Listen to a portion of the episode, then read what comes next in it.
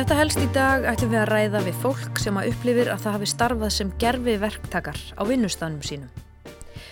Þegar fyrirtækið sem þau unnu hjá var gjaldtróta áttu þau því minni rétt en almennir launþegar og peningurinn sem þau áttu inni hjá fyrirtækinu flokkast ekki sem forgangskröfur úr þrótabúinu. Viðmælendur okkar í dag eiga það sameinlegt að hafa unnið hjá fjölmjöla fyrirtækinu Torki sem meðal annars rak sjónvarpstöðina Ringbraut og gaf út fréttablaðið og djafaf. Starfsfólki Torgs var tilkynnt á starfsmannafundi í mars að fyrirtækið væri að sigla í strand. Útgáfi fréttablaðsins er því snarlega hætt og sömuleiðis útsendingum ringbreytar. Torg var líst gjaldtróta nokkrundum síðar og um hundra manns mistu vinnuna sína. Aðalegandi Torgs var Helgi Magnússon en eftir gjaldtrótið hjælt hann áfram að gefa út miðlinn DFF. Jón Þórisson var forstjóri Torgs og hann held einnig áfram að starfa fyrir DFF eftir gjaldrótið. En viðmælendur okkar eiga það sammeilegt að hafa unnið svo árum skipti fyrir Torg.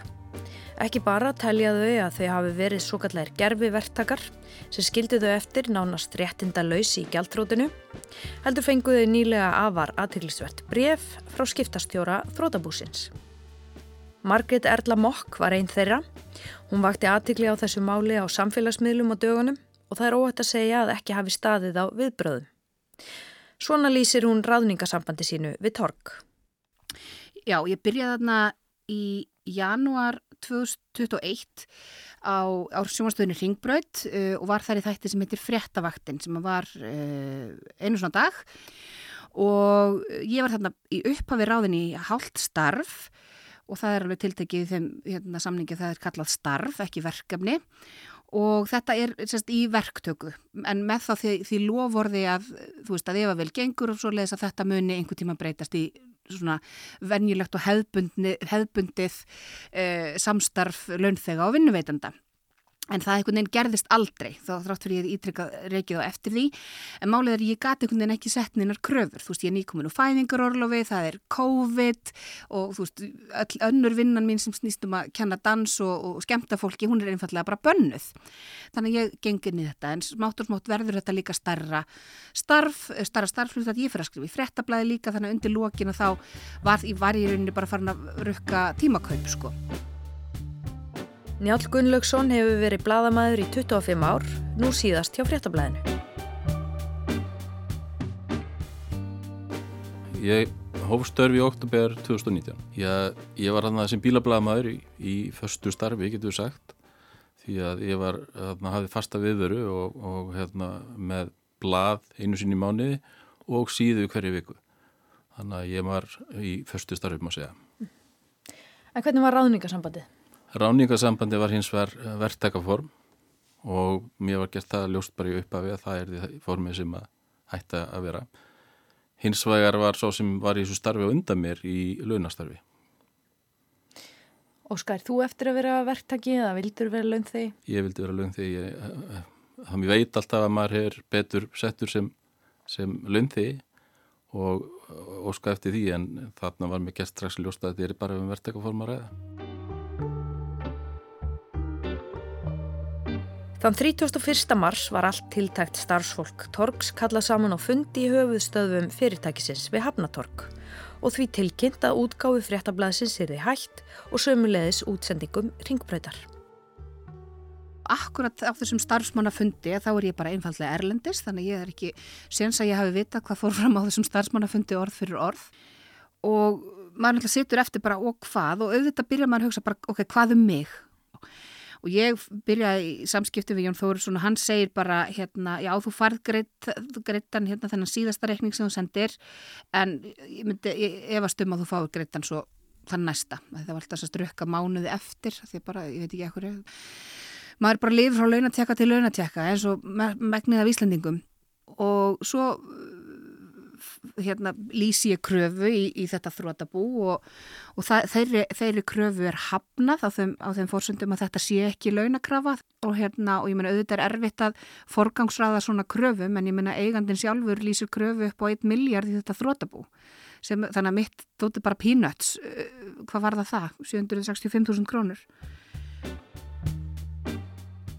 En það sem vakið hefur undrun og reyði er bref sem Margreti Erlu, Njáli og fleira samstarfsfólki þeirra barst á dögunum frá skiptastjóra Torgs, Óskari Sigursinni, sem er lögmaður á Lex.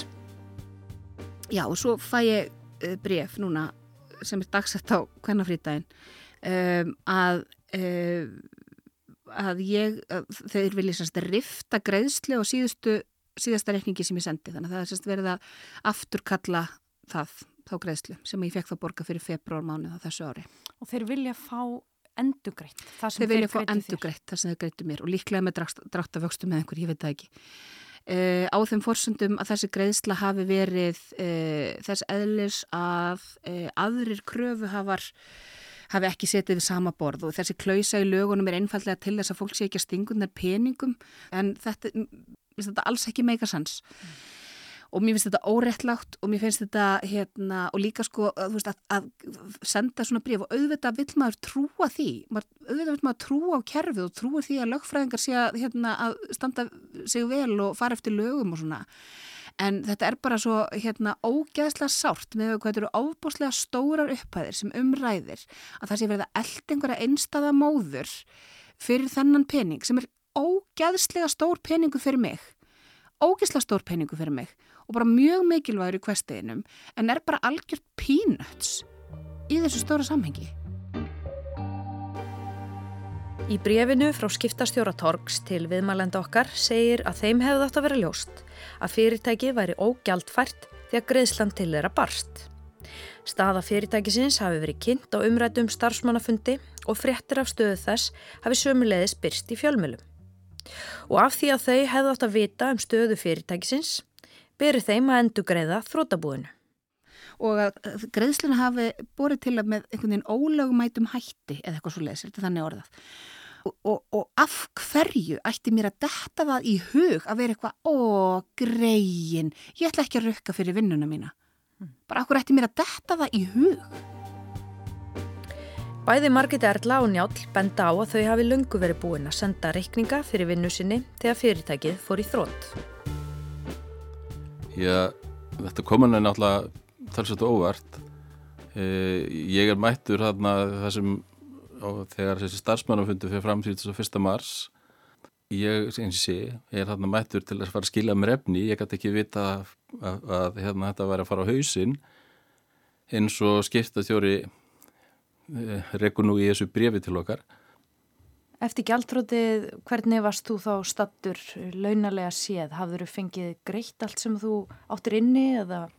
Nei, ég er að ég á náttúrulega eftir að fá greitt fyrir marsmánuð og uh, náttúrulega var búin með talsvægt efni fyrir aprilmánuð.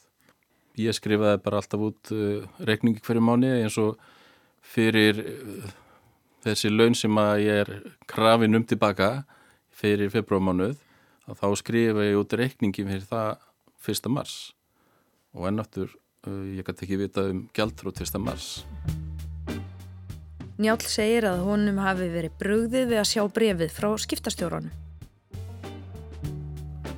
Já, við fengum fyrst uh, ábyrðabref, við uh, komum með bara heim til mars og svo aftur núna bara fyrir nokkrum dögum með stefnuvoti. Það sem þetta er ítrekkað það sem maður er ekki búin að svara svo ennþá. Við erum náttúrulega, það ég í mínu tilvilli er ég með þetta sem sagt í, höndum Hölafræðings Blamanafélagsins. Ég, er náttúrulega búin að vera þar í allt á fjörðung og þeir taka þá á þessu máli með mér. E, mér fannst þetta náttúrulega afskaplega skrítið að fá svona brefi í hendurnar sem að maður er beður um að greiða tilbaka laun aftur í tíman uh, maður er bara trúður sér ekki maður var bara nokkra daga átt að segja á þessu hvernig þetta gati eða staðist. Þar fyrir utan það að maður átti eftir ógreitt laun mánuðina eftir. Þannig að ég fannst þetta bara mjög spes verði að segja. Ég með fannst þetta í raun og veru vera eitthvað sem að skiptastjóri ætti nú ekki að vera að setja í eitthvað forgang sko. Að rukka fólk sem greinilega kemur fram með þess að í ef þú skoðar bara mitt starf og, og mína reikninga til félagsins að ég er hann í fullu starfi og, og svo er maður bara beðin um að greiða tilbaka. Tómas Arnar Sigurbjörnsson hefur í áraraðir unnið við að dreifa fréttablaðinu um Suðurlandið. Fyrst sem verktaki fyrir postdreifingu en frá áramótum var hann verktaki fyrir torg. Ráðningasamband hans er því annars eðlis en Margreðar og Njáls. En hann átti einnig inni peninga hjá fyrirtækinu að það fór í þrótt og hefur nú verið krafin um að greiða þá upp að tilbaka á sömu forsendum. Því hann hefði átt að vita að fyrirtækið væri ógjaldfært þegar honum bast greiðsla vegna vinnu sinnar. Ég hef starfað við, nánast við dreifingu fréttablasins frá stopnum blasins og síðastu samskiptis ég átti nú við torg við dreifingu til, það var þarna kringu 20. mars þegar þeir voru að tala um að stækka dreifinguna. Þannig að þegar maður svona, fær svona síndul að ámán ekki alveg vonaði að þetta sé nátt þetta niður hérna sko. Allan ekki eins og að gera þetta tíu tónu setna. Sem var bara gott að blessa en ég, ég sendi þeim post og spurði hvort þeir fengi greitt þá fyrir mars líka og því var aldrei svara. Og gerði þeir náttúrulega ekkert kröfu í búið með síðasta mánuðinu því ég veit að þetta er ekkert bynd forgangskröfur sem við erum með sko. Afskrifa það náttúrulega hjá mér en ég þurfti náttúrulega að gera upp laun fyrir februar-mars hjá mér. Já, svo kemur hérna bara í ábúrðaposti bref frá lögmönnum þar sem að þeir telja að þessi greiðsla hafi ekki átt að eiga þessi stað. Mann ekki hvernig þeir orðið þetta nú en þetta var allan að þeir óskuðu eftir því að ég myndi nú endur greiða þessa uppæð sem var lögð inn á mig hérna 3. apríl. Sko mér var fann að pínu bröði því það náttúrulega er að verða sko sjö mánuði síðan að þessi greiðsla kom og þannig maður fær þetta bref mann líður ekki vel en þegar maður sér það að maður þurfa að fara að leggja út tilbaka vinnu sem maður er búin að eigða fyrir viðkomandi félaga eins og torg. Og maður þurfa að fara að endur greiða launskinn það, það er náttúrulega bara að segja sér sjálft að þetta er ekki, þetta er ekki það sem maður óskar sér sko. Og, og, það, og hvernig, bara, hvernig er orðabrefið þetta sé bara að þeir eiga bara fulla rétt að þeir fáta endur greitt og, og þeir hóta því bara að þetta þurfa að fara alla leið þá leggja það rón á þetta vexti og málskosna og maður fær bara ákveðin frest til þess að ganga frá þessum málum. En eins og í mínu tilfelli þá náttúrulega neyta ég þessu og var með okkar ástæði fyrir því sem ég þyldi bara upp. Og svo svöruðu því, því tilbaka og, og, og segja mér bara það að þetta sé bara staðan að, ég, að þeir eiga endur kröður rétt á mig. Og vilja meina það að ég hef átt að vita það að feilaði væri að fara í þrótt og hefði ekki átt að taka þessu penning sem ég er ekki alveg sammála en, en mér finnst ég persónulega ekki byrja ábyrja á því hvernig staða torks er sko að því að þeir eru að borga okkur sko februar og það er náttúrulega komin apríl þegar Greifland kemur inn sko. Sko þeir segja að mér þetta var ljóst vegna fjölmjöla umfjöllunar að, að, að hérna, fyrirtæki væri komið í þrótt og það að samaskapi segja að þeim hefði alveg átt að vera ljóst að ég var ekki borgunaræðili fyrir því að borga þetta tilbaka því ég er einstað móðir og þeir fluttu mér sér frettir að því sjálfur á devaf.is að ég hefði skilið við mannun minn í, í janúar eða februar. Þannig að hérna, þannig að þú veist þannig að svo svona, mist það eitthvað svona alveg bara al, algjört grín að bara mér hefði átt að vera ljóst, bara ég held ekki utan um veskið í þessu fyrirtæki. Já, mér finnst þetta bara svo mikið réttlætismál líka bara þegar maður hugsaður líka um fólk sem að kannski er því í þessari stöði í dag eh, því maður veit alveg hvernig fjölmjöla heimurinn er ég þekki það bara gegnum þann alltaf fjórung sem ég starfaði í gerunum og maður veltiði alveg fyrir sig hvort maður eigi að fara svo langt að bara ræða þetta við umbúsmaðan aldingis eða eitthvað svo leiðis hlýtur að vera réttlættismál í svona stöðu þar sem að fólk er krafið um að vera verktæki í það sem að ætti að vera lögþöður sjálfur sér. Svona gerfi verktæki Já, þetta er bara ekkert annað. Þannig að hérna, þetta er ógeðslega bara erfitt einhvern veginn að horfa upp á það að það sé bara að sigla hlutum í strand og undir því séu bara fullt af einstaklingum sem að missa lífsviðuværi sitt. Og ekki bara það, missa líka bara það fullt af fólki sem að bara missir hérna bara sjálfsverðinguna og, og hérna og tilgangsin í lífinu. Og hérna og það sé bara eitthvað svona, æ, heyrðu þetta þetta fóti fjandans, heyrðu, ok heyrðu, þá bara opnum við næsta borðspil og við höldum bara áfram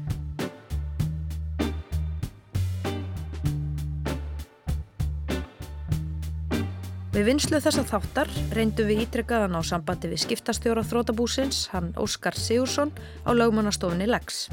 En Óskar hefur ekki svarað.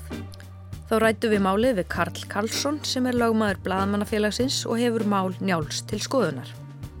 Hann segir það meðal annars núast um eðli ráðningasambandsins og hvort um sé að ræða gerfi verktöku. En svona líkur þættinum okkar í dag. Þóra Tómasdóttir þakkar fyrir samfélgina og við heyrumst aftur á morgun.